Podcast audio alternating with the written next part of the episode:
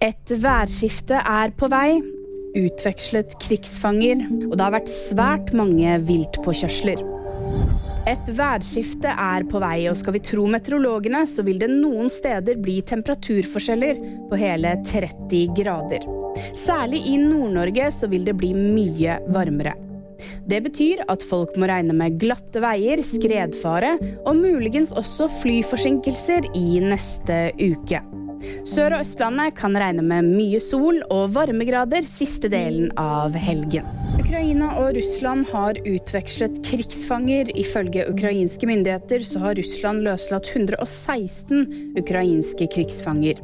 Forsvarsledelsen i Kreml sier at Ukraina har løslatt 63 russiske krigsfanger. Og blant dem så er det fanger i en såkalt spesiell kategori. Og hva som menes med det, vet vi foreløpig ikke. Den siste tiden så har det vært svært mange viltpåkjørsler. Og bare dette døgnet så er 14 elger og 9 rådyr blitt påkjørt i Innlandet. Det kan være at det er ekstra mye fordi det er i dagene rundt en fullmåne, sier politiet til NTB. De minner også om at det viktigste du kan gjøre om du kjører på et dyr, det er å ringe til politiet. VG-nyhetene de fikk du av meg, Ida Aaberg Evensen.